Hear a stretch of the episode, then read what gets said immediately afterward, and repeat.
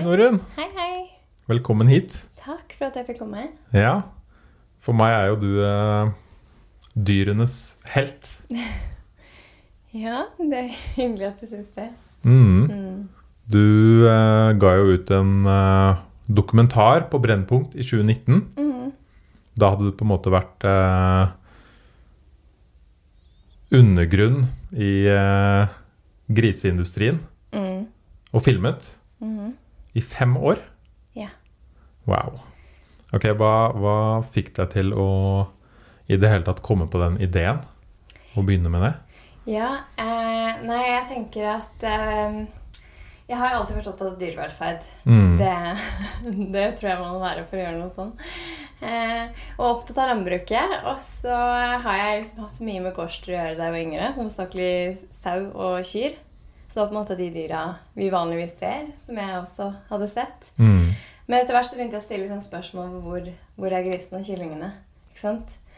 Um, og så ble jeg på en måte Jeg prøvde å søke opp eh, bilder og, og informasjon om slakterier og gårder i Norge. Og det eneste som kom opp da, var jo enten døde dyreskrotter eller kjøtt. Eller eh, sånne søte små eh, bondegårder, da. Ikke sant? Mm. Eh, Så jeg tok kontakt med kjøttindustrien og spurte om å få komme inn og bare se hvordan dyra har det. Men jeg ble avvist, og da tenkte jeg ok, her er det noe de skjuler. Og etter å ha gått eh, undercover der i fem år, så skjønner jeg godt at de prøver å skjule det. det ikke sant? Så det var en bekymring for dyrene, og liksom mistanke om at her er det nok Mm. ikke så greit som man skal ha det til i disse reklamefilmene. Nei, Mm. ikke sant. Ja, for det blir jo forespeila som at øh, norske dyr generelt har det veldig bra. Ja. Det er i hvert fall det inntrykket man får da, av hvordan øh, det fremspeiles på TV og i reklame og sånne ting. Ja. ja, det er det.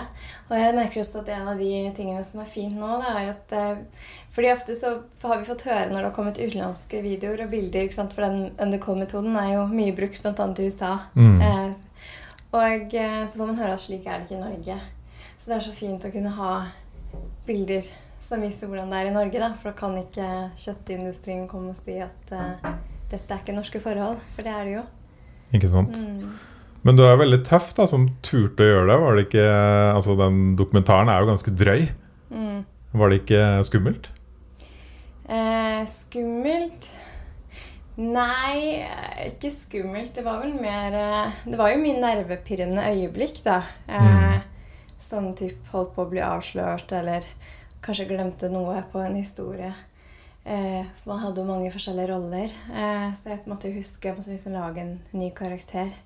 Ja, for hvordan funka det? Du var forskjellige typer personer. Ja, ja, jeg måtte gjøre det. Det var jo ikke på en måte noe jeg gjorde for moro skyld. Det var jo en veldig stort arbeid med å lage disse eh, historiene og, og rollene. Men eh, landbruket i Norge er veldig lite. Altså, det er veldig sånn sammenviklet. Da. Altså, Mm. Jungeltelegrafen går veldig fort. Og de gjorde det jo i løpet av prosjektet flere ganger. Mm. Hvor jeg da sluttet å jobbe med en rolle, og så fikk jeg bl.a. i kontakt med en annen bonde høre meg selv at eh, det hadde gått noen varsler om at det var en jente som var rundt og styra ordna. Og jeg bare å ja. Så måtte jeg da late som jeg ikke hadde noen Oi. Ja, så det er sånne ting. Det, altså, det, er, det var liksom utfordrende man holder på så lenge og er så mange steder i landet. Så, så ble jeg nødt til å bytte rolle ganske ofte. Så det var mye arbeid, da, for da skulle jeg bygge en helt ny karakter. Sånn typ alt fra alder og fødested og utdanning og familiesituasjon og absolutt alt skulle ned på papiret og passe overens, da. Så jeg brukte mye tid på det. Gjorde du det alene? Det gjorde jeg ja. alene. Så det var en stor jobb. Ja, det er veldig Veldig fascinerende at du fikk det til. Eh, hva er grunnen til at du gjorde det over så mange år, da? Ja, da jeg starta med det, så hadde jeg egentlig ingen planer om hvor lenge jeg skulle holde på. Um, så jeg bare gravde dypere og dypere, og desto mer jeg så, desto mer tenkte jeg at jeg må dokumentere. Og Mm. når, når er det nok for at folk skal forstå at dette ikke er enkelttilfeller? Det var jo en tanke som gikk mye gjennom hodet mitt, da. Um, så jeg tok de mulighetene jeg fikk, og liksom bare prøvde å holde det gående så lenge som mulig, egentlig. Eller ikke så lenge, men få dekket mest mulig. Så jeg endte jo opp med eh, 13, nei, 15 former, 11 slakterier, ruggeri og dyrtransport. Totalt Mm. Så, eh, og det var veldig fælt å slutte. Ja. Ja, mange har jo tenkt at det var liksom sånn eh, Måtte ha vært en lettelse, eller at å Men jeg var sånn Jeg syntes det var kjempefælt. Mm. Fordi jeg visste at dyra lider hver dag, og hvem skulle være ute og dokumentere nå? Jeg visste jo at det foregikk Alt jeg hadde sett, foregikk jo hver dag. Mm. Så det var veldig sånn sorg da å måtte slutte. Det, det var en vanskelig avgjørelse, da. ja. Ja. Jeg leste jo at i 2019 Mm. så var det noe sånn som 1,7 millioner griser som ble slakta i Norge. Det er mye mer enn jeg trodde. Uh, litt mer om på en måte din bakgrunn og grunnen til at du valgte å begynne med det der. Kan du si noe om det? Mm. Din bakgrunn, Ja, for at du min. begynte med det? ja? Eh, bakgrunnen min for at jeg begynte med undercover, eller Mm, undercover, ja. Ja. Nei, det var jo det at jeg ville undersøke hvordan dyrene eh, lever i norsk Ikke sant. Ja. Men er det fordi du øh, har en tett tilknytning til dyr? Har du vokst opp på gård, eller har du Eh, nei, jeg har ikke vokst opp på gård, men jeg har vokst opp mye rundt husdyr. Det Ja. har jeg. Så jeg fikk veldig tidlig eh, måte være med dem og, og lære meg hvor mye personlighet de har, da. mm. Um, ja, og så har jeg alltid vært veldig glad i dyr, sånn hunder og katter og ja. Em, så empati for dyr har stått veldig sterkt. Og jeg også kommer jo fra en familie også, som er veldig opptatt av de svakeste i Mm. samfunnet. Så jeg pleier å si at jeg har fått mye av de verdiene fra familien. Og også lært at man skal gripe inn og bry seg. Ikke sant? Ja, Og ha- være handlekraftig, da. Så Mm. bra. Mm. Er du veganer? Det svarer jeg aldri på. det Nei. spørsmålet. Jeg får det så mye, men for meg så har det blitt litt så Jeg syns den debatten har blitt så polarisert. Mm. Så jeg ønsker på en måte ikke å bidra mer til å sette meg i en boks, da. Ikke sant? Nei, jeg bare lurte. Ja, Ja, det er mange som spør om det. Mm. Ja, Så det er liksom et bevisst valg jeg har tatt. ikke... Men ok, i, i 2019 Mm. så ble det slakta 1,7 millioner eh, griser. Mm. Du hadde vært ute og filma det i fem år. Mm. eh, og du filma jo også noen uh, brutale scener. Eh, og det fikk jo store medieoppslag Ja. og oppmerksomhet. Mm. Uh, førte det til noe, syns du? Ja, nei, Det er et godt spørsmål. Det er kanskje det som er litt tyngst i dette her, da, er at man har jobba så hardt da, for, eh, for, for endringer for dyrene. Liksom alt, alt jeg gjorde, da. Og hver gang jeg ikke grep inn og hjalp dem, eller hver gang jeg selv måtte utføre brutale ting, så hadde jeg dette håpet i at eh, på, på slutten av dette her så vil det få konsekvenser da, for, for hvordan de, vi behandler dyrene. Mm. Og så uteblir, uteblir endringene. Ikke sant? Så det er ganske slag i ansiktet, da, som, som jeg på en måte fortsatt kan føle på. Men jeg Ja. jobber jo nå fulltid for å bedre dyrevelferden, så jeg har jo ikke gitt meg. Så jeg, det er jo en livskamp for meg, dette her. Så jeg ser jo på en måte en slags Det er jo en endring på vei. Det er jo mange som f.eks. slutter å spise grisekjøtt. Det var det jo, altså Produksjonen av gris har gått ned. Mm. Og jeg har også fått veldig mange tilbakemeldinger på det. Og jeg opplever også at bevisstheten rundt dyrevelferd har blitt større, kanskje. Jeg håper det i hvert fall. Mm. At, eh, at det har på en måte slått litt sprekker i det glansbildet da vi har om norsk husdyrhold. Uh, og politikerne òg. Der går det veldig tregt. Men jeg opplever jo at det er, det er bevegelser der òg. så jeg tenker at når man jobber med landbruksdyr og, og så, så, så må jeg på en måte være forberedt på at eh, resultatene av det arbeidet man legger ned nå, det kommer nok ikke før om kanskje fem-ti år. Og det tror jeg er viktig å huske på for alle som liksom føler på den kanskje utålmodigheten. da, på Mm. Nå må vi få til endringer. Alle store endringer tar tid. Det gjør det. Ja, Og det her liksom føler jeg på en måte var en slags sånn vendepunkt, da, håper jeg. Mm. Mm. Uh, men du måtte selv utføre ting. Ja. Hva slags type ting, for de som ikke har sett uh, Ja, uh, ja, nei, jeg syns det er viktig å snakke om det, fordi uh, Så jeg, på en måte, jeg har ikke noe skam i det, på en måte. Nei? Uh, og jeg tenker også at uh, gjennom meg så vil jeg også få frem på en måte hvor avstumpa man blir av å jobbe i industrien. For at Mm. man da skal forstå bøndene og slakteriarbeiderne, og at dette ikke er sadister. For det er det jo overhodet ikke. Uh, og så er det også det med at folk må forstå at det å få tak i denne type dokumentasjon, det krever ganske mye. Det er ikke Ja. sånn at man bare kan stå på sidelinja og filme helt passivt. Nei, for du lagde jo en identitet, Mm. og slik jeg forstår det, så måtte du gå helt inn i den rollen. Ja. Og også utføre de tingene som måtte til for å skape sikkert tillit Mm. hos bøndene. Ja. Jeg prøvde å alltid unngå å gjøre ting mot dyrene. Men når man står der i en situasjon, f.eks. på slakteriet, da første gang jeg måtte slå, slå kyr under driving, så husker jeg liksom jeg hadde unngått det eh, flere ganger. Og til slutt så bare sto de og hang over kanten og så på meg og sa du må bruke drivstaven. du må bruke drivstaven. Og hva gjør man da? Ikke sant? Mm. Man kan ikke skille seg for mye ut. Og jeg opplevde også i starten, da jeg på en måte ikke var avstumpa nok ennå, da, at eh, det skimtet nok litt gjennom at jeg følte litt for mye. Og jeg ble jo flere ganger spurt om jeg var dyreverner. Eh, Mm. mens med en gang jeg da klarte å bare gli inn i industrien, så opplevde jeg også at de viste et mye mer utilskjørt bilde av, hvordan hverdagen er.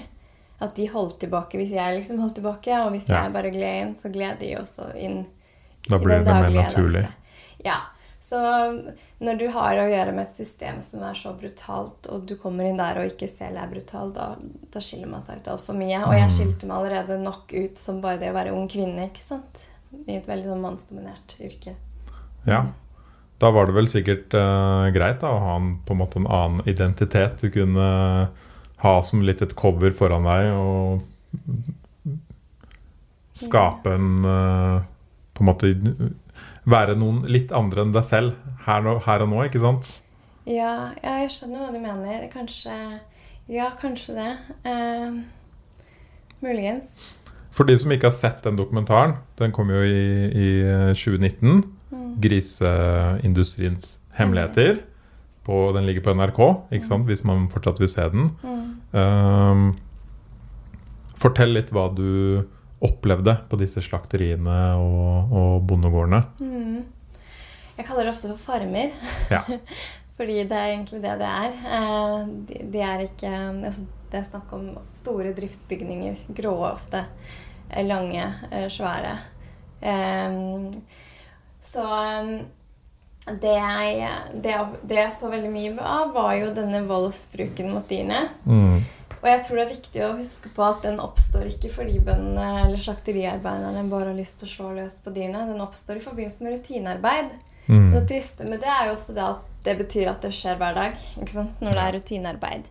På grisefarmene er det typisk når man flytter dyrene rundt i ulike rom. Eh, og det er i forbindelse med rengjøring og håndtering av syke og skadde dyr. Mm. Um, Hva slags type vold er det du det er det, noe som går veldig mye igjen, er det å dra de bortover gulvet etter ørene. Mm. Fordi, eh, og der, der ser man hvordan dette tidspresset, og at man tenker liksom kroner og øre i alt man gjør, påvirker. For det er mye lettere å dra en gris hvis man skal sortere grisen etter øret, enn å drive og bruke en drivlem og forsiktig eh, få én gris ut av en binge med ti griser. da, ikke Ja. sant? Så i griseindustrien så er det på en måte om å gjøre å ha de enkleste løsningene som tar kortest mulig tid. Ja, for da følger grisen etter fortere fordi det er vondt. Ja, hvis du, nei, du drar den jo Mm, bortover etter, etter øret. Og på purkene så er det jo det å slå løs på dem, f.eks. Eller Mm. ja.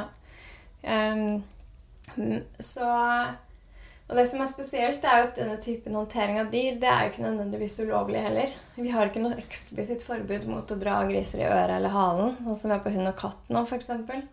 Eh, og i forbindelse med denne etterforskningen til Økokrim av dokumentaren også, så kom det jo fram at veldig mye av de voldsscenene vi ser i dokumentaren, det ble jo henlagt som intet straffbart forhold. Ja. Så det sier også ganske mye om den, den, den statusen disse dyrene har, da. Og det er jo kanskje noe av det som er mest sjokkerende. Eh, for man skiller mellom det som kalles nødvendig unødvendig pinepåføring. Og hva som er nødvendig eller ikke. Det er veldig sånn gråsone, og opp til den Mm. enkelte å vurdere. Er det nødvendig å slå løs på denne purka nå for å flytte henne vekk, så jeg slipper å rengjøre her? Eller altså tidsbesparing, f.eks. Så, Så nødvendig Nødvendig pining av et dyr. ja, vi har den skillet mellom unødvendig og nødvendig Mm. pinepåføring. Ehm, på slakteriene så er det jo lov å både utsette kyr for elektriske støt. Eh, det er jo sånt, eh, jeg skal- sånn torturredskap basically, som man bruker under tortur av mennesker. Disse elektriske stavene. Ehm, Um, og det er også lov å slå dem. Det er ikke noe forbud mot det. Og jeg, Mattilsynets eh, inspektører er jo også til stede på slakteriene. Og jeg så jo flere ganger hvordan de bare sto og så på at eh, disse kuene ble slått løs på var selv, eh, det var jo også slakteriarbeidere som reagerte på det, som sa at vi kan, vi kan stå og slå løs på kua i flere minutter uten at Mattilsynet bryr seg. Mm. Så de jo reagerte på det. Så når du har et sånt system da, som på hvor brutalitet og vold er en del av hverdagen, da blir det jo, da slutter man jo etter hvert å reagere. Man blir jo veldig Mm. nummen av det. Jeg husker selv det med grisene. at eh, De skriker jo, de er veldig sånn, vokale. De, de sier veldig tydelig fra hvis de føler smerte eller frykt. Men det blir jo en slags sånn bakgrunnssumming til slutt. Ja. da. Og hvis man sliter med å stenge det ute, så bruker man hørselvern. Ikke sant? Ikke sant? Mm. Så man bare ignorerer det de prøver å kommunisere. Mm. Mm. Hva slags andre ting opplevde du på disse stedene? Ja, det var jo også mye lovlig, da. Ikke sant? Ja. Det her er jo um, Men det var jo, jeg var jo med på alt som er med griseproduksjon. Da. Både lovlig og ulovlig kastrering. Eh, det var jo de stimulifattige bingene, da. De gjorde mye inntrykk på meg å gå rundt der i disse rommene da, og se grisene som sto i betongbinger. Disse intelligente dyra som egentlig har et stort behov for å utforske og rote i jorda med try trynet. og Ja, for griser er veldig smarte dyr. Veldig. Det er nummer fem, tror jeg. Wow. Ja, i hvert fall på topp fem. Mm. De er veldig smarte. Eh, de, de har jo til og med gjort forsøk nå hvor de klarte å styre sånn datakonsoll, eller de klarte å spille um, Var det dataspill? Så, de skjønte det konseptet. Mm. Men de er veldig intelligente dyr, og de, veldig, de har veldig stort behov for å utforske, og de kjeder seg veldig lett. Så i griseindustrien så stues de sammen. En slaktegris på, på, 100, nei, på 80 kg har jo kun krav på 0,65 kvadratmeter med plass hver. Hovedkravet er at de skal kunne ligge sånn tidlig på tett gulv i bingen. Og så har de kanskje litt sagflis da, ikke sant? Mm. over betonggulvet. Men det hjelper ikke med noen millimeter sagflis her og der i bingen. ikke sant? Det har jo ikke noen verdi for grisene. Nei. Og en, en sånn liten neve med halmstrå som elleve slaktegris skal dele på, og det spiser de opp på to minutter. ikke sant? Så de er jo så understimulerte. Mm. Og det er kanskje noe av det verste jeg også så. å Liksom se de, de blikkene deres. da, Hvordan de på en måte Ja, for bare det i seg selv er jo en tortur. mm, Det er som å være i et bitte lite fengsel. Ja. ja, det er jo det. Og de viser jo at de ikke trives ved, ut, eh, ved at de utvikler denne tvangsatferden. da. Man tenker jo ofte bare på halebiting. da? Det er veldig vanlig eh, dette med at de biter på halene til hverandre, for de kjeder seg. Men griser har også veldig mye annen type tvangsatferd. F.eks. at de biter på bingeinventar. Og Mm. biter på alt de kommer over. Eh, de står liksom og biter løs på, på ting. Jeg husker f.eks. denne møkkaskrapa. Når jeg kom inn med den, så bare for de på den og sto og tygde og tygde og tygde uten mål og mening. Mm. Uh, og så er det overdreven bruk av disse drikkeniplene i vingen. Altså de bare drikker vann. Masse vann. Ja. Også svelging av luft og veiving med hodet. Og dette er jo atferd man må se etter, men det er jo ikke, altså bøndene ser det jo, men man får ikke gjort noe med det, fordi de fleste driver etter minstekravene. Og da kreves det ikke noe mer enn disse betongbingene. ikke sant? Mm. Hm. Men eh, du sa jo at eh, altså, Hvordan er forskjellen fra Nå har vi snakka en del om, om grisene, Mm. og så er det selvfølgelig eh, kylling. Mm. Hvordan Kan du fortelle litt om det òg? Ja eh, Det vil starte med et sitat fra en kyllingbonde jeg jobba hos, som sa bare man får ikke noe forhold til disse dyra. Og det Jeg blir så oppgitt når jeg ser disse Prio-reklamene og sånn, der man snakker om den store omsorgen for enkeltindividet, og så ser Ja. du disse store flokkene med 16 000-20 000 dyr som en bonde har da i rundt 29-35 dager. Og så går de ut og Ja, for det er så stort i Norge òg. Ja. Mm. Mm. Og eh, de, de går jo bare inn i en hall. De har jo ikke krav på dagslys engang. Eller naturlig døgnrytme. Og eh, de har jo også en ekstrem vekst pga. denne broilerkyllingen Ross 308. Ja, det har jeg hørt om. Ja. Det, må du, det må du beskrive, for det Ja. er helt vilt. Ja, de vokser fra ca. 40 gram til 1,52 kilo eh, på 30 dager. Mm. Og det er en ekstrem vekst. Og det fører jo til at de får kroniske benproblemer. Og eh, mange utvikler halthet, at de ikke klarer å gå ordentlig. Noen brekker bena. Fordi vekta blir, altså musklene blir så tunge. Og skjelettet rekker ikke å utvikle seg like fort som musklene. Noen får det som kalles sudden death syndrome, hvor de bare kollapser, hjertet slutter å pumpe. For det er så Hjertet jobber så hardt for å pumpe nok blod til, til musklene. Og så er jo heller ikke da organet eller hjertet utviklet i takt med musklene, så det blir et misforhold der. Um, men det verste er jo at de har kroniske smerter nesten hele livet. da. Altså Helt til starten går det greit, men når denne veksten begynner å komme da, etter sånn to ukers tid, da, da lider de. Så vi har jo en, en kyllingrase som er så ødelagt at de ikke klarer å utføre naturlig atferd. Det er f.eks. ikke krav om vaglepinner for slaktekylling. Begrunnelsen er Hva er det for noe? Det er sånne pinner de kan, de kan sitte på. Det er et Mm. veldig viktig behov kylling eller fugler har da, for Ja. å klare å slappe av. Mens på slaktekylling så vil de ikke kunne nyttiggjøre seg av det. Fordi eh, de har så tung, tung vekt. Mm. Samme strøbading. Det er også veldig vanskelig for dem. Så vi avla frem et dyr som ikke kan utføre sin naturlige atferd. Og de får heller ikke muligheten til det i disse kunstige, store hallene de lever i. Så vi har både avla fram, og så tenker jeg vi sikkert uh, mater dem helt sykt mye òg, eller? Ja, det er appetittfòring, som det Mm. kalles. De har tilgang på mat hele tida. Og man ønsker også at de skal eh, spise mest mulig. Så de har jo ikke engang krav på mer enn seks timer eh, mørkeperiode. Og det følger ikke naturlig døgnrytme. Nei. Fordi desto mer lys, desto mer spiser de, desto mer vokser de. Og så er det disse foreldredyra da, som, som em, legger egg, som da blir disse slaktekyllingene. De må jo leve over mye lengre tid, så de sultefòres. Mm. for at de ikke skal bli for store. Så de går rett og slett rundt og sulter hele livet sitt for å holde den ekstreme veksten i sjakk. Ja. Så det er, det er så mye hvor mange tusen var det i sånne gårder? Det er, på, det er ca. 550 kyllingfarmer som produserer rundt 68 millioner kyllinger i året. Og det er det vi slakter i Norge? Mm. Bare Norge, og det er bare 550 kyllingfarmer som produserer så mange Wow. kyllinger. Ja, sier mye. Mm. Og de levde i gjennomsnitt i 29-35 dager. mm. Rundt 30 dager i gjennomsnitt. Mm. Jeg har jo Jeg har slutta å spise kylling uh, utenom økologisk. Mm. Uh, fordi jeg syns ikke det smaker noen ting. Jeg syns ikke det er noe særlig godt lenger. Og jeg har vært i utlandet og ute på landet flere forskjellige steder og smakt ekte kylling som har gått ute. Og for det første er det jo ikke så store biter du får i det hele tatt, Nei. som du får kjøpt i butikken. Eh, og det smaker mye mer. Mm. Og det har jo sikkert mye med at de lever et godt liv i dagslys uten å vokse opp på 30 dager og bli slakta. Mm. Ja, det nok som du sier, da, det som jeg også syns uh, er interessant, er jo dette med at uh, Som også du opplevde, at det er veldig lett å etter hvert på en måte eh, glemme det litt, det Mm. som skjer. mm. Sikkert spesielt for bonden som jobber med dette hver dag.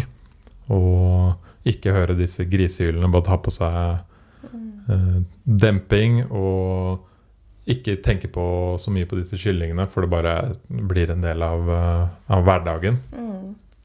Ja, fordi i kyllingindustrien så er det, det er rundt 0,3 årsverk ca. Det er veldig lite arbeid, fordi det meste er automatisert. Mm. Eh, så jobben jeg, er å Det er basically å gå inn og plukke døde kyllinger, avlive syke kyllinger.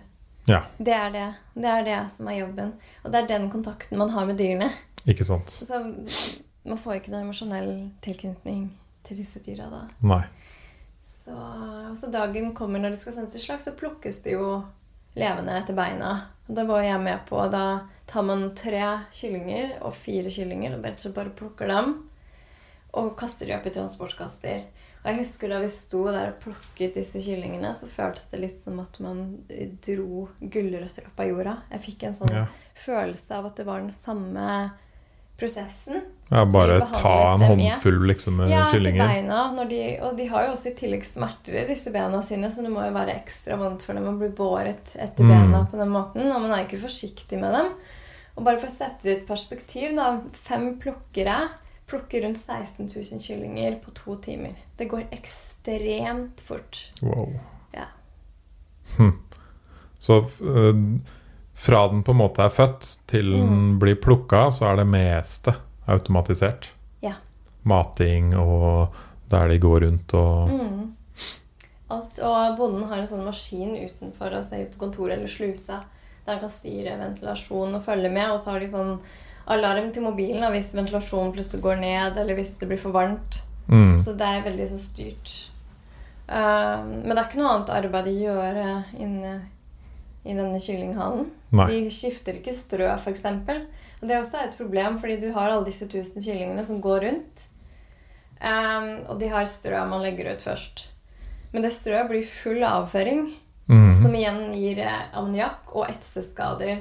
Så det er veldig vanlig at kyllingene har veldig mye sånne rosa flekker på brystet. For de er veldig tunge, så de ligger jo mye av tida. Mm. Eh, og dette med sånn trådputesår, rett og slett at de har fått etseskader under trådputene sine, det også er ganske vanlig. Ja. Um, så for man får jo ikke skiftet dette strøet når det ligger en, eh, basically en masse med hvitt på hele fjøsgulvet. Uh, og de har jo veldig liten plass òg. Rundt 18-20 kyllinger per kvadratmeter. Så ja. Hm. De lever veldig trangt. 18-20 kyllinger per Per kvadratmeter. kvadratmeter. Under et A4-ark per kylling. Wow. Så de lever veldig tett. Og det er også hvis du går inn i en kyllingfarm, du bare ser en svær hall, og hele gulvet er dekket av bare hvite klumper. Mm. Um, og det er litt interessant, fordi når Prior og eksempel, kyllingindustrien viste fram eh, bilder, så viser de ofte fram når kyllingene er veldig små. Ja. Det er veldig få bilder. Søte og Ja, små. Og da ser det ut som det er mye større plass og triveligere, og de løper rundt. Kommer man tilbake når de er to-tre uker gamle, så liker de flest, så det er mye trangere plass. Og kommer man på dag 29, da er det bare fullstappet. Helt stappfullt. Ja, og de ligger sånn helt ja, unaturlig på bakken og er kjempepassive. Mm. Og hva med kuer og sånn? Er det bedre der, eller er det mye av det samme? Ja, jeg pleier å skille mellom intensivt husdyrhold, som er kylling og gris, Ja. og verpehøns og kalkun. da. Fjørfe kan du si gris, og så har du storfe og småfe på den andre sida. Og de produksjonsformene skiller seg veldig mye. Så um, det er ikke så mye som er overførbart fra måten vi driver med, med um, kylling- og griseproduksjon til de andre uh, produksjonene. Um, det er ikke like intensivt, da. Eh, de har lengre levealder. Det er ikke så ekstrem avl, f.eks. Mm. At de skal produsere så mye. Selv om man kan jo snakke om denne Det er blitt en ganske stor melkeproduksjon per ku nå. da. Ja. Um, men de lever et mye mer naturlig liv, for de får være på beite, f.eks. Um, så det er ganske forskjellig, fordi det jeg ofte pleier å si som folk får litt sånn sjokk over å høre, er at det er under 1% av norske griser som får være ute. Og godt under 1% av kyllingene som får være ute. Mm. Og eh, sau og Under, altså ute hele livet? Nei, deler av livet. Eller, Ja. hele. ja. Altså, over 99 av får aldri være ute. Det eneste gangen de får tilgang på frisk luft, er når de skal med slaktebilen Mm. til slakteriet og drives ut. Ja. Uh, og så har du da uh, sau og kyr, som utgjør rundt 3% av norske husdyr totalt. Så det er ganske interessant å tenke på at vi, vi blir hele tiden vist hvordan disse dyrene lever. At de får være ute på beite, at de har det godt. Mm. Så utgjør de en så liten andel av norske husdyr. ja. Så jeg mener det er mer riktig å se på hvordan majoriteten av norske husdyr har det, da. Hvis vi skal få et reelt bilde av hvordan norsk landbruk faktisk er. Mm. Hvordan er forskjellen på det vi spiser av disse? Mm. Veit du det? Ja, vi, kylling er det dyret vi spiser mest av. Ja. Og gris spiser vi veldig mye. Vi spiser lite sau. Storfe spiser vi ganske mye av, og der importerer man også litt kjøtt fordi man har problemer med å dekke etterspørselen. Mm. Eh, jeg vil bare si at melkeindustrien har noen utfordringer, og eh, jeg har vært med selv. Jeg havna tilfeldig, egentlig, på en melkefarm. Fordi der, Jeg jobbet på en grisefarm, og ved siden av den grisefarmen så var det en melkefarm. Og der sto det sånne kalvebokser, eh, hvite bokser, bortover veggen. Eh, det var et løsdriftsfjøs, så kyrne var inne. Og så var det da kalvebokser, da, hvite plastbokser på, på sida av fjøset. Der sto det masse kalver. Og det er jo fordi vi i Norge tar kalven fra kua etter fødsel. Og det, det er det mange som reagerer på. Eh, og det skjønner jeg veldig godt. Og jeg har jo selv vært med på å skille en kalv fra en ku. Og det er nok en av de verste opplevelsene Mm. fra hele Undercover-prosjektet. Av alt du har opplevd. Ja, for Ja. det strider så mye mot liksom det derre eh, instinktet vi har oss for det. Da, å liksom ta et avkom fra en mor. Det var bare sånn Ja, det er helt forferdelig. Ja, Å sette denne kalven da i denne kalveboksen helt alene. Og det er lov at de står der alene i opptil åtte uker. Så Hva er grunnen til at vi gjør det? ja, det er for at uh, kalven ikke skal konkurrere med melkeroboten, Ja. kan du si. Uh, selv om det er noen bønder nå i Norge uh, som har begynt å la ku og kalv få være sammen, men de er fåtall. Men det jobbes med forskning på dette feltet, hvordan man kan kombinere det. Men det er, eh, det er dessverre mest vanlig fortsatt å, å ta kalven fra kua. Hva er det du da mater kalven med? Det er morsmelkerstatning. Mm. Så mens vi mennesker får da melka, som egentlig er Til kalven? til og- kalven, så får de morsmelkerstatning. Som Mm. blandes inn i en bøtte og gis i en bøtte. Og det, de skal de også lære seg å drikke av denne bøtta. Noen bruker sånne tåteflasker. Ja. Og det jeg syns er så viktig å få frem, er at um, Jeg vet ikke om du har sett sånne bilder og videoer eller møtt en kalv, fordi veldig ofte så prøver de å suge deg på hendene. Mm. Og det blir ofte fremstilt som noe koselig. 'Å, se, kalven liker meg.' Eller det blir liksom veldig sånn glorifisert, syns jeg i hvert fall. Og det er egentlig en stereotypisk atferd. Fordi kalven ikke får uh, utløp for dette behovet av å die uh, fra kua. Mm. Så de suger på alt de kommer over. Um, så det er egentlig veldig trist atferd når, når de gjør det. Ja. Hmm. Mm. Ja, det er jo mange det er, altså det er så utrolig viktig å høre den informasjonen her, da. Mm. Uh, fordi det jeg har snakka med mye folk om i det siste, Mm. er jo hvor ekstremt distansert vi er fra dyret når vi går og handler i butikken. Ja, men vi er veldig distansert. Ikke sant? Man tenker jo nesten ikke at det der er en ku eller det er en gris eller en kylling lenger. Mm. De er liksom så perfekt pakka inn i en plastikk uh, fin plastikkgreie og, og enkel å kjøpe. Og så tenker man jo ikke på hvordan de kyllingene faktisk har hatt det. Mm. Ja, det er det. De er veldig usynliggjort. Og jeg tenker at uh, det er jo ikke forbrukernes skyld. Nei, det er jo nei, nei. en bevisst eh, strategi, men jeg da fra kjøttindustrien, der man ikke, Sånn som griseindustriens hemmeligheter viste De fleste gangene viser man ikke dyret i reklamene. Man viser bare sluttproduktet. Og de gangene man viser frem dyret, så er det ofte sånn gris på Bahamas, eller griser som holdes foran en green screen, som, Mm. eh, og, eller holdes, går på tur med en gris ute på gresset. De får jo aldri oppleve dette her. Eh, så forbrukerne får jo to signaler. Det ene er dette med usynliggjøring, at man slipper å tenke over at det er et dyr. Og det andre er at man får en forestilling om at disse dyrene lever veldig gode liv. Og det Ja. motiverer jo heller ikke forbrukerne til handling. Så vi blir slags handlingslamma av denne reklamen, Mm. tenker jeg. Um, Ja, og spesielt et dyr som uh, jeg syns man ser i reklame, er jo kua og melken. mm, For det er veldig sånn De har det bra. mm. Den melken er den beste. Ja, ikke sant? Og hvor ofte viser man frem eh, separasjon av og kalv? Det, det hadde vært en dårlig reklame for melk. Ja. Mm. Særlig den eh, raute til kua når de Ja. De står jo, står jo igjen og ser etter kalven sin. Mm. Mm. Jeg tror eh, folk hadde tenkt litt mer over det hvis de hadde både hørt og sett det, da. Mm. Hvordan har det påvirket deg da, som person å oppleve disse tingene? Ja um, Nei, jeg har jo blitt avstumpa på mange måter. Så min Jeg prøver liksom å begynne å føle litt igjen jeg da, etter Undercover-prosjektet. Men så jobber jeg fulltid for dyra også Ja. nå. Og stort sett går i lidelse og, og, og sånne ting. Så jeg kan jo på en måte ikke begynne å føle så veldig mye. Du må liksom skru av bryteren litt for å Ja. klare å håndtere det. ja.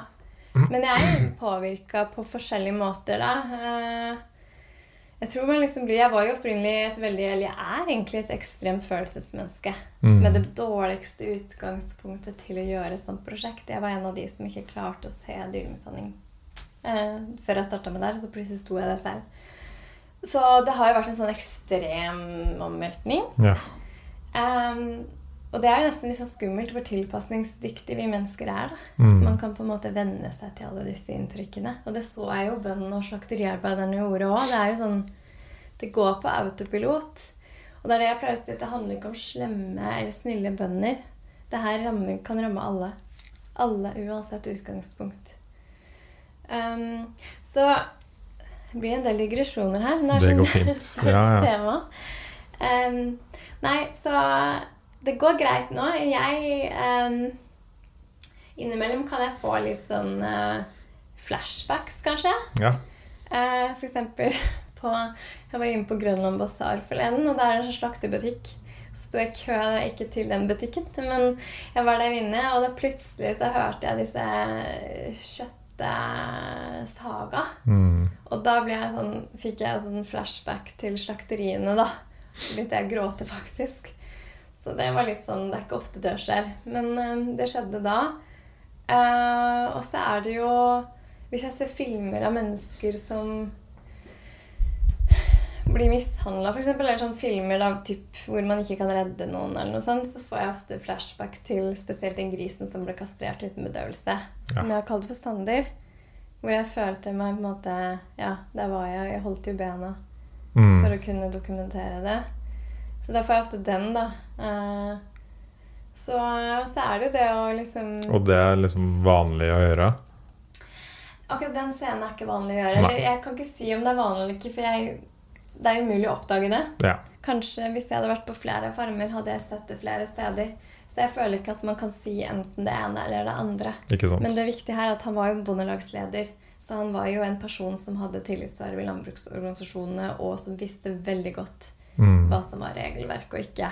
Og det også vil jeg bare si at alle bøndene jeg jobbet hos, de var ikke noen sånne verstingbønder. Ingen hadde anmerkninger hos Mattilsynet fra før av. Eh, alle hadde tillitsverv. Noen var produsentrådgivere for andre grisebønder. Og de påtok seg også oppgave i å lære opp meg som grisebonde eller avløser. ikke sant? Og noen hadde vunnet pris for beste produksjon. Og så var det en som rett og slett hadde vært leder i en dyrevernnemnd og ført tilsyn for Mattilsynet. Så dette her var ingen verstinger. Nei. Dette her var egentlig Hva skal jeg si De beste av de beste. Ja. Og når de holder på på den måten her, så kan man jo tenke seg Hva de andre gjør, ja. Ja. Hm. Mm. Jeg har lyst til å komme litt inn på det igjen med Du sa litt Du sa det litt i stad, det med at vi har begynt å spise litt mindre gris. Mm. Vet du hva tallene er i dag på, på gris og kylling og sånn i forhold til 2019? Mm. Eh, på kylling eh, så har jeg nyligste tallene at vi, det ble klekket, i hvert fall er det man beregner ut fra, klekket rundt 600 000 færre slaktekyllinger i 2020 sammenlignet med 2019. Ja. Men det er fortsatt snakk om rundt 70 millioner klekte kyllinger. Og så er det da, 70 så er det da ca. 2 millioner av disse som dør før de blir 30 dager, som det slaktes ca. 68 millioner. På gris så har man ikke tall fra 2020 ennå. Jeg jobber med å få tak i det. Så jeg har bare tall fra 2019. Der hadde det gått, produksjon gått ned med 75 000 griser. Ja. Mm. Så det blir sånn rundt 1,625, eller jeg husker ikke eksakt, men rundt 1,6. Mm. 1,6 millioner. Tror du det Altså, noe av det var jo selvfølgelig på grunn av eh, av dokumentaren din og alt det som skjedde etterpå. Uh, men det er jo også et skifte til at flere mennesker spiser mindre kjøtt. Mm. Merker du nå at det er mer snakk om det nå? Og det er på en måte litt trend å Mm. både tenke på miljø og dyrevelferd. Ja. Syns du det har forandra seg de Nå har jo du jobba med det i mange år. Mm. De siste syv årene. Ja. Ja, jeg fulgte jo med fra sidelinja eh, i mange år. Og jeg har jo sett at både temaet om dyrevelferd, men også det med kjøttreduksjon, har jo økt. Jeg starta med rundt 2013. ja. Så eh, det har jo Jeg har jo sett forskjell. Det har vært Mm. veldig fint å følge med på. Ja. Aktiverende når man står i den marerittet til dyra. Så jeg opplever at folk blir mer og mer bevisste. Og trenden er som du sier, det går jo ned. Og flere og flere blir det man kaller Er det ikke fleksitorianere? Jo. Det er jo det jeg tror er litt sånn svaret på en del problemer på forbrukersida. At man trenger ikke å bli enten-eller. Men vi alle kan klare å redusere. Og så er det lurt å da fokusere på reduksjon av kylling og gris. Det er Ja. de dyra som lider mest. Og Men vil det da hjelpe hvis man spiser mer eh, ku? Jeg tenker ikke man bør øke inntaket. Nei, ikke sant? Mm. For det er jo viktig å ha Mm. med seg at uh, Mm. hvis, man bare, hvis alle begynner å spise mer eh, ku, så flytter Ja. man jo sikkert problemet dit. da. Ja. Så må man også huske på at eh, dagens eh, høye kjøttkonsum er jo også ganske kunstig. Fordi for eksempel for eh, ja, rundt 1990 vi spiste mye mindre kjøtt. Og så begynte man med denne kjøttpushingen og veldig ekstreme markedsføringen, da, hvor man bruker mange millioner i året til, å, til, å, til en slags sånn kjøttpushing. Og så finansierer vi faktisk også billig kjøtt gjennom skattepengene våre. Det er som heter grunntilskuddet i jordbruksoppgjøret. Og eh, siden spesielt kylling og gris skal være forbrukerretta, dvs. Si prisen skal holdes nede, du Mm. skal ikke følge eh, prisutviklingen på andre varer, så betaler vi da penger for at bøndene skal få kompensasjon for de lave prisene. Så vi betaler billig kjøtt, basically. gjennom skattebetalingen, Skatten. så betaler vi for å holde prisen nede. Ja. Hm.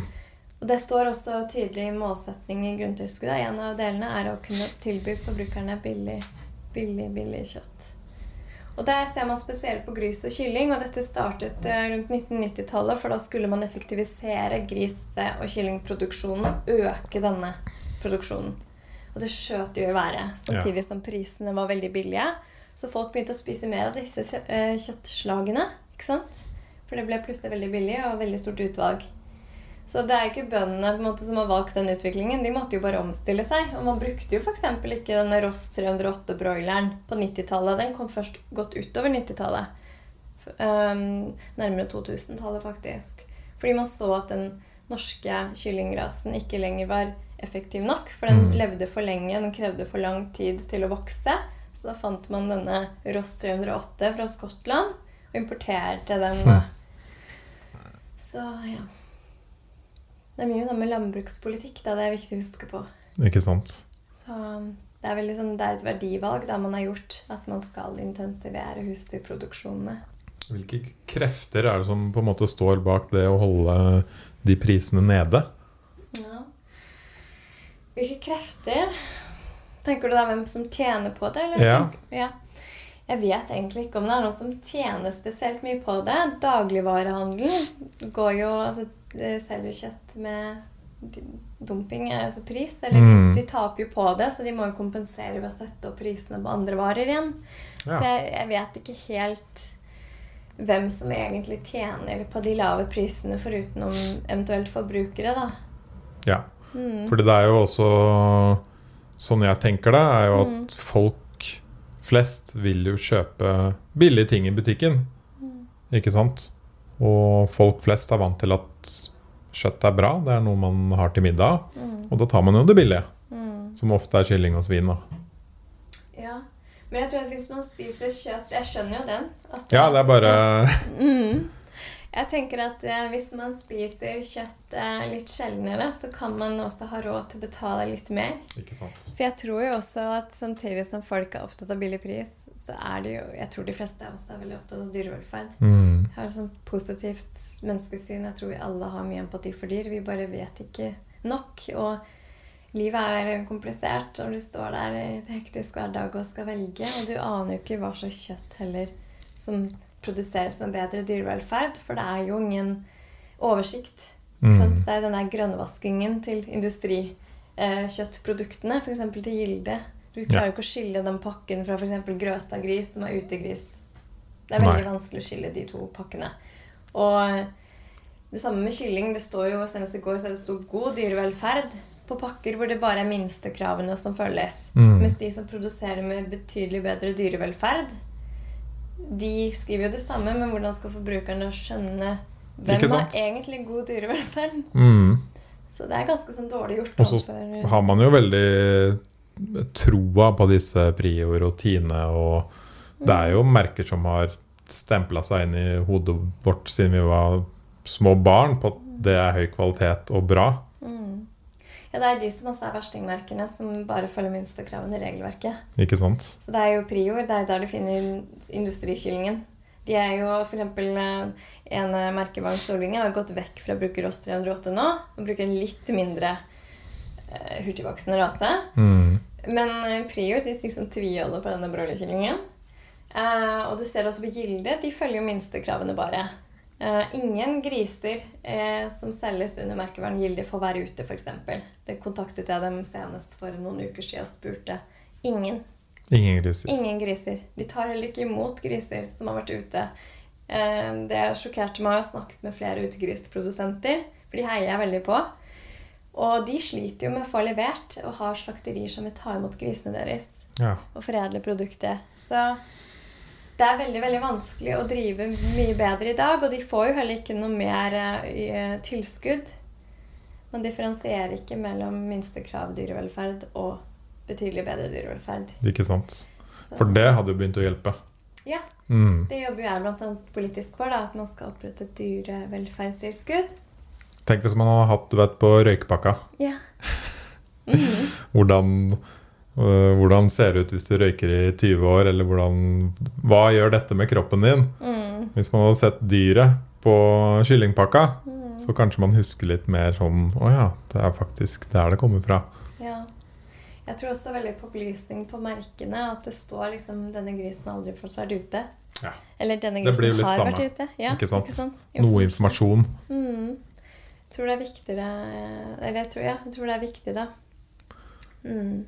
Og så tenker jeg jeg er veldig enig i deg at man må spise mye mindre kjøtt. Mm. Og jeg har selv gjort det i flere år nå. Og da, når jeg først spiser kjøtt, Mm. så kan jeg jo kjøpe økologisk eller uh, frittgående eller noe sånt. Men eh, hvordan er de merkene i forskjell fra Mm. eh, Prior og sånn? Hva er forskjellen for dyrene der? Har de det bedre? Er det Ja, økologisk er på en måte ikke for alle husdyrslag er lik bedre dyrevelferd. Så Nei. da må man se på hva i minstekravene i den, den forskriften sier. Så økologisk betyr nødvendigvis ikke Nei. at de har det bedre? Men i praksis betyr det for kylling og gris og verpens så, så gir det betydelig bedre dyrevelferd. Ok. På hvilken måte da? For, for fjørfe så handler det om at de skal ha tilgang på utearealet en tredjedel av livet sitt hvis været eller klimatiske forhold tilsier det. Så noen bruker jo en såkalt vinterhage, som er litt sånn semi-utemiljø. Mm. Slik at de kan få komme ut og litt større plass, men uten å da fryse veldig mye. Så det er en fin mellomløsning. Mm. Um, og de har litt større plass innendørs. Ikke sånn kjempemye større plass, men litt. Og på kylling så skal du bruke en mer saktevoksende rase. Eh, det er vel de viktigste parametrene, ja. På gris så er det jo at de skal ha tilgang på utearealet. Ja. Ja. Og det er jo Så der jeg vil nok si at det er størst forskjell for grisen. Mm. Mm. For der går de da fra å være i disse trange betongbyggene til å faktisk få tilgang på jord. Og kunne løpe og bevege seg slik de er ment for å gjøre. Mm. Men du har også noen konvensjonelle merker da, som ikke er økologiske, som også eh, driver med utegris. Koloniagengris, for eksempel. Ikke sant? Mm. Ja, for det er også skjønt at det er litt av og til vanskelig og rart å få det økologisk stempelet. Mm. Du kan f.eks. ha frittgående dyr, men ikke klare å få det stempelet, da. Ja, Grøstadgris er jo et eksempel. De, er jo de, den, de har jo holdt på med utegris lengst av alle. Starta med det på 90-tallet og har vært sånn pionerer innenfor det området. Vi slo ned fjøsveggen fordi bare vi vil ikke ha at dyra våre skal bare gå innendørs. De bare, Mm. Hva er det vi har gjort da de begynte med griseproduksjon? Ja. Så de gikk jo foran. Og de gikk over fra økologisk til konvensjonell nå. Og det eneste de har gjort, er at de endra på fôret. Og litt Ja, sånn. for det er Så det er det- ingenting å si for dyra. Nei. For dyra har det like bra nå. De får fortsatt ha tilgang på utearealet og halmhytter og leve mer naturlig liv. Så, så ja. Ja, for det er det jeg har skjønt, at det er Mm. fôret som kan være utfordringen ofte. Ja, ja, for de økologiske produsentene. Nå har det vært litt problemer med å få tak i dette fôret. og sånn, Det har vært mye. Ja. Mm. Men hvis det ikke er økologisk grisekjøtt, kan man på en måte, da må man dobbelt altså, De fleste som driver med utegris nå, er økologiske grisebønder. Ja. Så det er sånn greit å, å vite. Og det er, det er liksom under 1% av grisene som Mm. får leve på den måten. Så hvis du vil gjøre noen enkle valg, da, så er det i Mm. hvert fall Det hjelper veldig Mm. å kjøpe enten frittgående eller økologisk. Frittgående kommer litt an på hva du på. mener. Tenker du på verpens? Ja. Ja, der, da vil jeg heller si ikke frittgående, bare økologisk. Fordi frittgående de har ikke krav på dagslys. Det betyr egentlig bare at de, De, de har krav på å ikke være i bur. Men de Ja. har veldig trang plass, så hvis du går inn til frittgående verpensprodusent, så ser du altså Plassen er veldig liten, og det er veldig Det er kunstig belysning, det er veldig Mm. stusslig. Eh, det er utfordringer for dem. Så jeg vil si hvis man først skal ha egg, så bør man ikke kjøpe noe annet enn økologisk. nei, og det er det veldig mye av nå. Mhm. Akkurat egg er det f.eks. veldig enkelt å kjøpe økologisk. Ja, Mm. så, så det mm, Og jeg anbefaler eh, Dyrevernalsen har en sånn app som heter Dyrevennlig. Som Ja. lastes den gratis. Så kan man tipse Ok. om den. Og der står det en oversikt over alle merkevarene i sånn trafikklysordning. Ja. Så det er liksom fin eh, forbrukerveiledning, egentlig. Nei, fordi hvis folk um, hører på dette og begynner å snakke litt rundt og ser din dokumentar og sånn, og begynner å spise mer økologisk og mindre kjøtt, Mm. jeg tenker det er et riktig steg da, i riktig retning. Ja. Så lenge vi fortsetter å kjøpe like mye som før, så vil jo disse super, supergårdene som har um, skaper millioner av kyllinger og sånn, fortsette. Ja, for det tror jeg er viktig å huske på. For det er noen som snakker utelukkende bare om å ikke kjøpe industrialisert produsert kjøtt. Eller industrikjøtt. Eh, og at man på en måte antar at man kan fortsette å spise like mye kjøtt bare man går over til f.eks. utegris. Da. Mm. Men det stemmer ikke. fordi skulle alle begynt å spise utegris i like store mengder som nå, så ville utegrisprodusentene måtte begynt med innendørsproduksjon. Ikke sant? sant? Ja. Du kan ikke ha 1,6 millioner slaktegriser ute på jorda. Eh, og pluss alle disse purkene og godt over to millioner griser ikke sant? igjen som oppstod i, i året i Norge. Ikke minst kyllingene, da. Ja, kyllingene. 68 millioner kyllinger. 68 Det går ikke, ikke millioner. sant?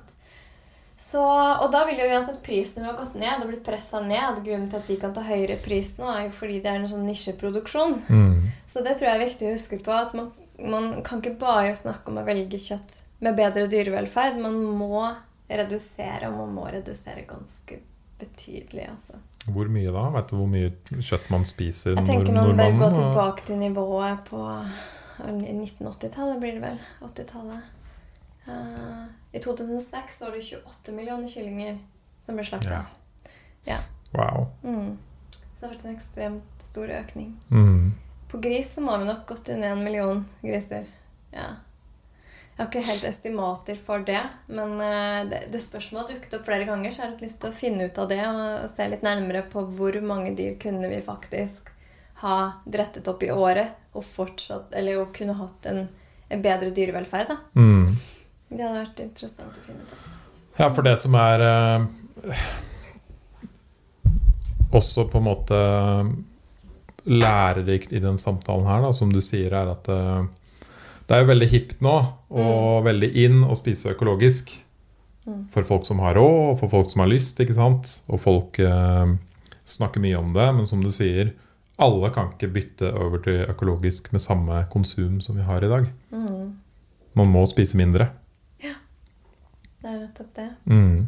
Må spise mindre.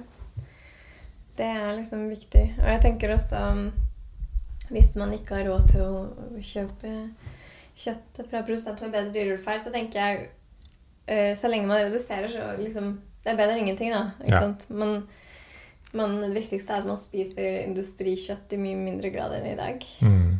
Eh, og da, det jeg pleier å si at man hjelper også sånne som meg som jobber politisk for dyrene. For det sender da et kraftig signal gjennom forbrukermakta Mm. at man vil ha bedre dyrevelferd. Fordi, eh, og det sender oss et signal til kjøttindustrien om at de må gjøre endringer. For det Ja. eneste de responderer på, er jo fall i etterspørsel. Ikke sant. Og det så du ja, Ja, på for der er det jo kun penge...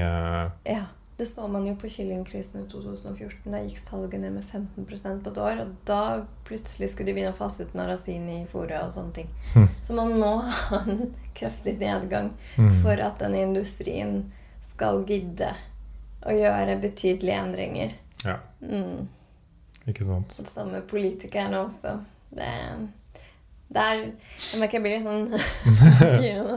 Men jeg, jeg tror bare det er liksom eh, viktig å forstå hva slags krefter man står imot. Da. Det er så tungrodd Nå snakker jeg veldig eh, rett fra levra, men landbruket er et veldig tungrodd konservativt system. Mm. Hvor man på en måte ønsker å opprettholde det som allerede er. Og der endringer blir møtt med en sånn skepsis. da.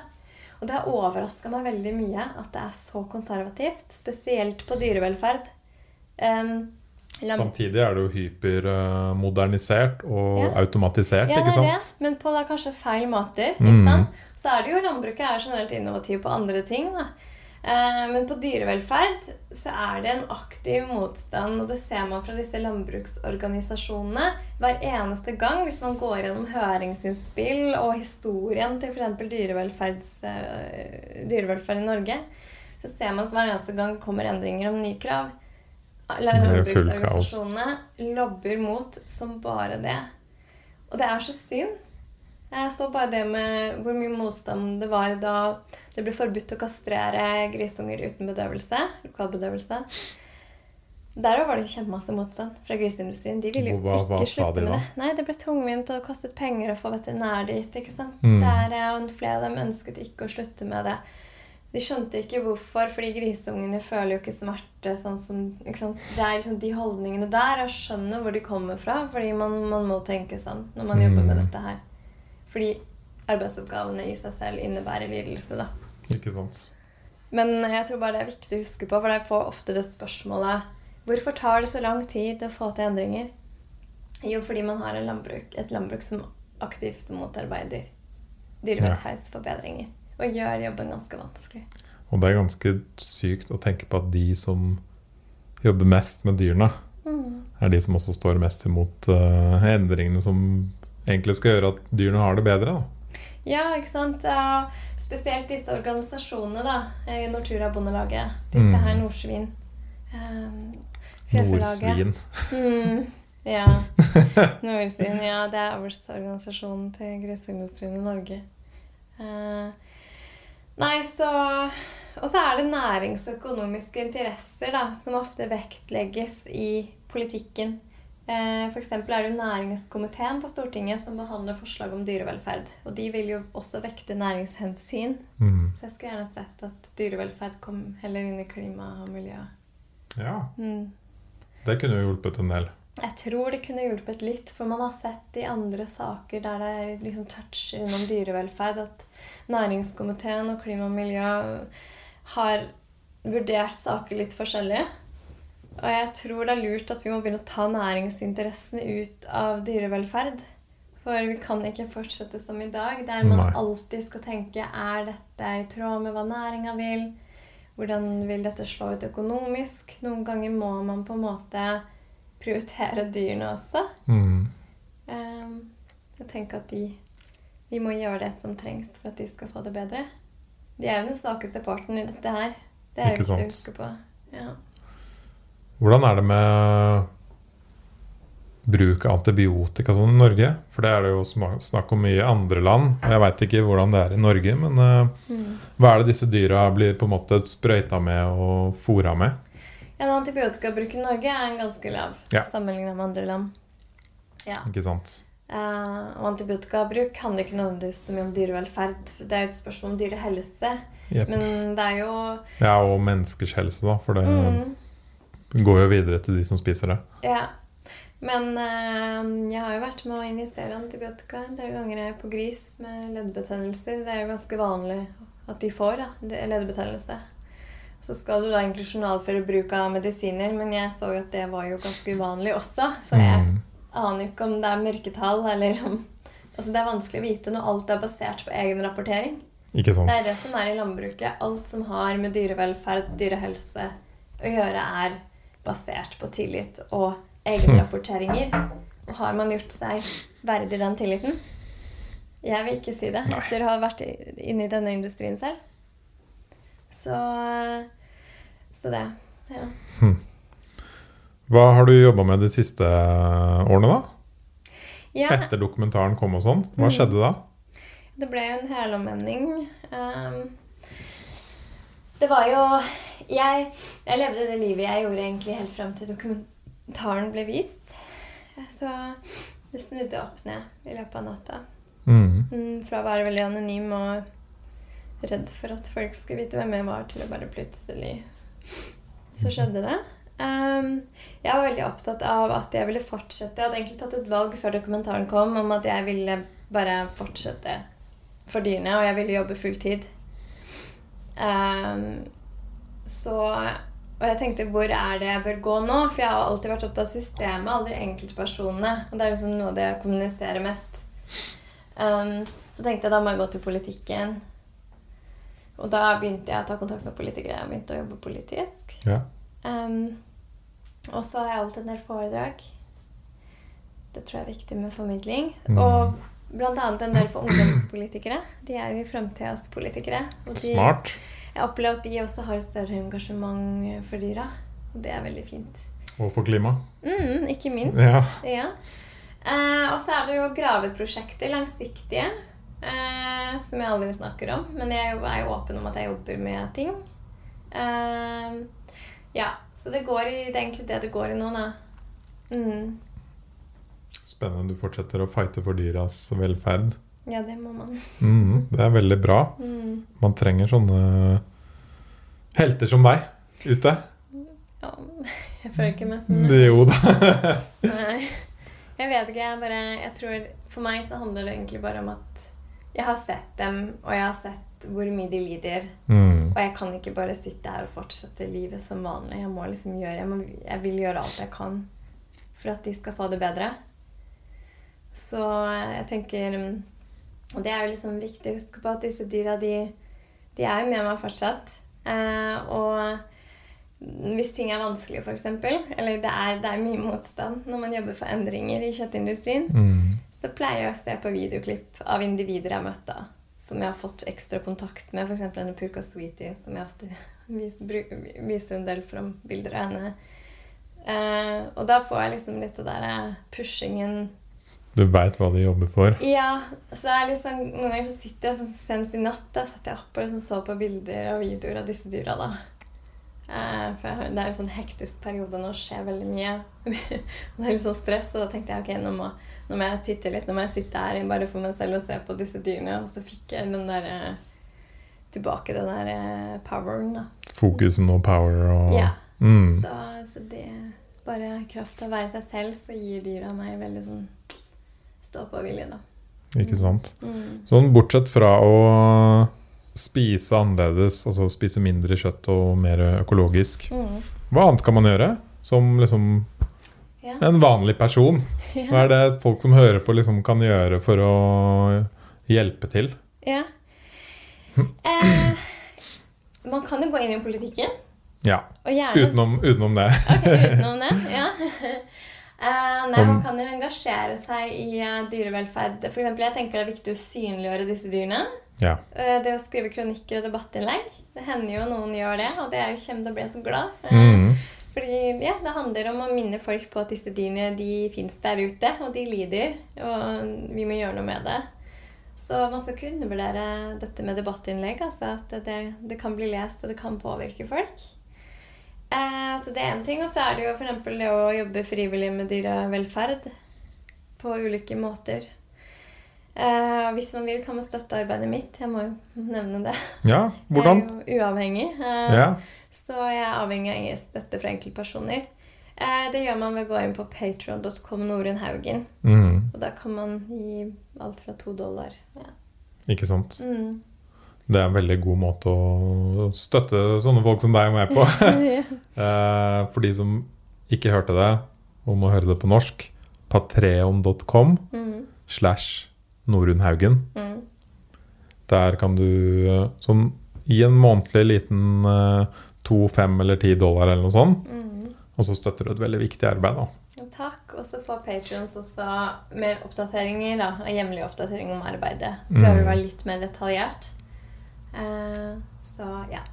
Så jeg har vært veldig heldig som har den muligheten. Jeg har jo en del støttespillere som er ja, opptatt av dyrevelferd. Ikke sant. Jeg håper jo med den både mer uh, type informasjon du og andre deler, kommer jo også mye fra andre land, ikke sant, som påvirker. På Netflix, på dokumentarer, HBO, sånne type uh, uh, nettsteder man ser mer på TV i dag, da. Mm. Så kommer det mye dokumentarer. Uh, det i tillegg til folk som deg, i tillegg til alt det om, som handler om klima nå.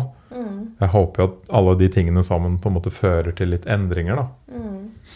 Jeg tror det. Jeg tror Altså, jeg tenker jo at de Jeg er bare en bit i et stort hav blitt, ikke sant? Fordi det er, det er så fint å se, fordi flere og flere blir sånn dyrevelferd og miljø, da, som de sier. Um, og jeg, jeg, tror vi kommer til å se, se store endringer framover. Ja. Uh, men jeg tror for dyras del så er det sykt viktig å være med åpenhet om hvordan de lever. Og at vi liksom nå snart begynner å virkelig slå sprekker i den bobla om at vi har så god dyrevelferd. For det har vi ikke. Og det må vi bare å innse. Mm. Og så må vi gjøre noe med det. Og så må alle ta ansvar. Um, ja. Men jeg tror, jeg tror, vi ser endringer, og du ser også det i utlandet. Der går det jo veldig framover, både med dyrevelferdsreformer, men også reduksjon i kjøttforbruket. ikke sant? Ja, hvordan, hvor, hvordan eh, ser man det om dagen da? Jeg har ikke mm. tall på det, men Nei. det er jo hele tiden disse sakene om det. Ja. Uh, ja. Så, så, det så, det går jo fremover. Det gjør det jo. Du, blant annet USA så har man jo sett en ganske stor reduksjon, tror jeg. Ja. Absolutt. Mm. Og der er økologisk virkelig i, i vinden. Jeg så en veldig bra dokumentar som jeg tror het Earth. Den handler om jorda vår. Mm. Spesielt da i USA og i mange land som sprøyter veldig mye i jorda. da. Mm også om hvordan uh, vi har sperra dyrene inn nå i mange tiår. Mm. Men og, og, det uh, ødelegger også jorda. Fordi dyra er en del av økosystemet. De går rundt på jorda. De tisser på jorda, de driter på jorda. De tråkker ned, som lager riktige hull uh, for at vann skal renne riktig ned i jorda osv. Og, mm. og da viste de jo en bonde som hadde uh, i mange år sprøyta og sådd sånne Eh, korn. Mm. Uh, og det blir til slutt en, det de kaller desertification. Det blir en ørken, for du dreper jorda sakte, men sikkert. ikke sant? Og så så du det på den ene siden, mm. og på den andre siden så du en som for fem eller syv år siden bytta til sånn åpent jordbruk, da, hvor du lar mer av dyra gå ute. Mm. De blir gladere, mm. jorda blir bedre, og man kan plante mer uh, diversified, mer forskjellig. Mm. Uh, fordi det som kan skje hvis man ikke gjør det, er jo at uh, kommer det et slags virus, da, mm. og du bare har planta det samme, så har du også ødelagt alt du har, ikke sant? Ja, ja. Mm. Mm, og så så man da den triste bonden med alt som var ødelagt, og syke dyr, ikke sant, som hadde det kjipt. Mm. Og så så du den glade, sunne bonden på den andre siden, hvor dyra gikk rundt, og de planta forskjellige ting. og liksom, Dette er faktisk det som går an. da. Det går an å tenke annerledes, og det han, spesiell bonden som ble intervjua, hadde gjort, han sa jo at uh, nå har jeg sprøyta og ødelagt jorda mi i mange år. Dette funker ikke lenger. Hva var det de gjorde før? Mm. Og sett på hva de gjorde før, da. Og da gikk jo dyra ute og var glade og dreit og tissa, og du hadde liksom eh, vekst av en naturlig god økologisk vekst da, av, eh, av det du planta rundt der. Så det finnes mange andre muligheter. Mm. ja det, er, det, det er mange som er foregangsbønder på ulike områder. Så det er det som er så fint, for de viser jo nettopp at det er mulig å få til. Ja. Men for å få liksom alle med, så må man sånn skikkelig omlegging av landbruket. Ikke sant? Ja, så Med helt nye økonomiske insentiver og snakker ofte om disse husdyrtilskuddene som bør vris i en retning som premierer eh, mindre produksjon istedenfor høy produksjon. Og bedre dyrevelferd. Ja. Mm. At man bør få Det håper jeg du får til. Det jobber jeg med nå. ja, ikke sant? Får håpe det. Så er det jo Ja. En siste ting, da. Hva, hva med Reko-ringen? Mm. Uh, ja Får man Jeg føler jo Yes, endelig kan jeg faktisk mm. gi byen gå et sted og kjøpe direkte av en bonde. Yeah. Men det betyr jo ikke at jeg veit om dyra har hatt det bra. Nei, mm, hvis man tar utgangspunkt i utegris, så er det ikke en automatikk i Altså det er ikke en automatikk at det kjøttet som selges på Reko, kommer fra foregangsbønder på dyrevelferd. Hvem som helst kan egentlig selge gjennom Reko-ringen. Mm. Så ja, det er ikke noen sånn kravliste om med, med krav til dyrevelferd, f.eks. Så jeg anbefaler da at man rett og slett spør bøndene når, som selger, Ja. eller produsentene som selger, har grisene fått være ute? Har kyllingene Er det Ross 308?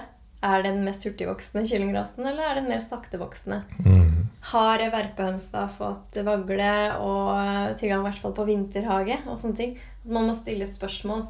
Det går jo sånn å sende mail i forkant hvis man vet hva produsenten heter. Men jeg tror Og man kan jo spørre på Facebook, for det er jo der de deler alt. Yeah. Sånn andre folk også ser det. Ja. Men jeg vil jo anta at det er større sannsynlighet for å møte på bønder med bedre dyrevelferd der. Det Det det vil jeg jeg- tro, for det er jo ofte Reko-ringene de har som en sånn markedskanal, da. Ikke sant? Så, ja. Men det er fint å dobbeltsjekke. Ja. Ja. Veldig bra. Det her var jo på en måte starta jo Det er jo alltid tungt å høre disse triste historiene. Men det er jo også på en måte håp, da, Mm. føler jeg, i alt det du forteller. Ja, Det er sikkert derfor du også liker å jobbe med det. Det er håp. Mm. Ja, jeg tenker det. Og så handler det om at vi må se seier i selv de små ting. Da. Det pleier jeg i hvert fall å gjøre. Yes. tror jeg er viktig for at man skal liksom klare å stå i lidelse og liksom ikke miste troa på at det kommer til å gå bra. At man liksom ser, ser små seire. Eksempel nå skal de partiene vedta de nye partiprogrammene sine for fire nye år. Jeg jobba mye opp mot dem for Mm. å få dyrevelferd inn for landbruksdyr. Eh, og jeg ser at flere av utkastene har tatt inn dyrevelferd. Det er en seier, tenker jeg, selv om det ikke er gjennomført politikk ennå. Det er ett steg i riktig retning. Mm. For det handler om å bygge sten for sten. Sant? Helt riktig. Og jeg tenker det med forbrukere òg, at, eh, at det at folk blir mer og mer bevisst og opptatt av det. For man ser jo engasjementet om dyrevelferd er stort. Det er bare å se til internett, f.eks. Det er jo masse der. Og, eh, og man har jo også gjort forbruksundersøkelser jevnlig hvor dyrevelferd scorer liksom godt over 80% hos folk som, Mm. som en av de viktige tingene man ser etter. Mm. Så, så det er håp, det. Mm. Så bra. Mm. Så fint at du tok deg tid til å være med her i dag. Ja, takk for at jeg fikk være med. Ja. Ja. Eh, Jeg regner med at folk kan søke deg opp på Facebook og Instagram og sånn, sikkert? Ja, jeg heter Norunn Haugen på Instagram. Ja. Også på innsiden av kjøttindustrien Ja. på Facebook. Så søk gjerne opp eh, Norun. og hvis dere har noen dere som lytter, noen tanker om det vi har sagt i dag, så gjerne kommenter Ja. på YouTube eller eh, på disse sosiale mediene. Så tusen takk for at du gjør jobben du gjør. Og takk for at jeg fikk komme, og at du løfter fram dyrevelferd. Ja. Det er kjempeviktig. Mm. Ok. Ha en fin dag videre. Takk det samme. Ok.